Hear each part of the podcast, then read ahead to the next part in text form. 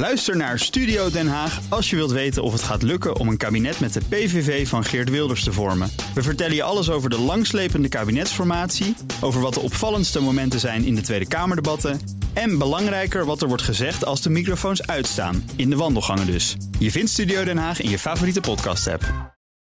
De column van Jaap Jansen.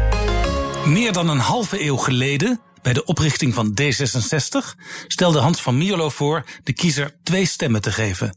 Eén voor de macht en één voor de controle op de macht. Je koos dan een minister-president en een Kamerlid. Die konden van dezelfde partij zijn, maar het hoefde niet. Besturen is immers iets anders dan het bestuur controleren. Het verschil tussen die functies blijkt deze dagen bij de strijd om het lijsttrekkerschap in het CDA.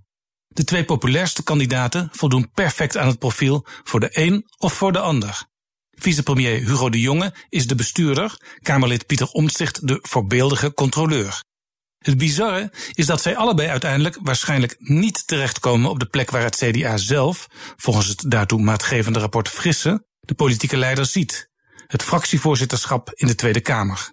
De jongen niet, omdat hij mikt op het premierschap, en omzicht niet, omdat hij niet echt het type teamleider is van een bestuurderspartij die het CDA qua karakter nu eenmaal is.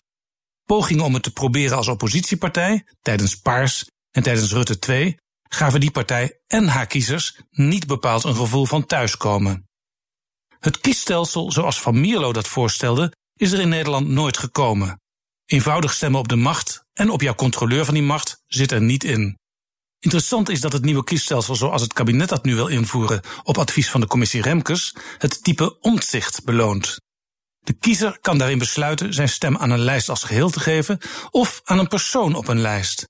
Vinden de meeste kiezers het steunen van de partij voldoende, dan verandert er niet zoveel aan de lijstvolgorde. Hechten kiezers meer aan een stem op een persoon, dan krijgen die personen in volgorde van het aantal uitgebrachte stemmen meer gewicht op het geheel. Met voorkeurstemmen worden gekozen kan nu ook al, maar de drempel is hoog.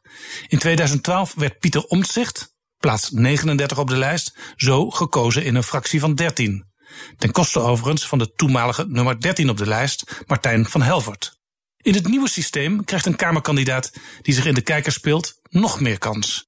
Het zou dan overigens de vraag zijn of de huidige fractievoorzitter van het CDA, Pieter Heerma, wel was gekozen. Want die kreeg in 2017 wel heel weinig stemmen. Hetzelfde geldt voor goede, hardwerkende Kamerleden als Steven van Weyenberg van D66 en Bart Snels van GroenLinks. Maar wie weet welke onontdekte pareltjes ervoor in de plaats waren gekomen. Dit nieuwe kiesstelsel met een zwaar voorkeurstemmengewicht maakt dat de kiezer zich scherp moet afvragen wie hij precies als zijn vertegenwoordiger wil.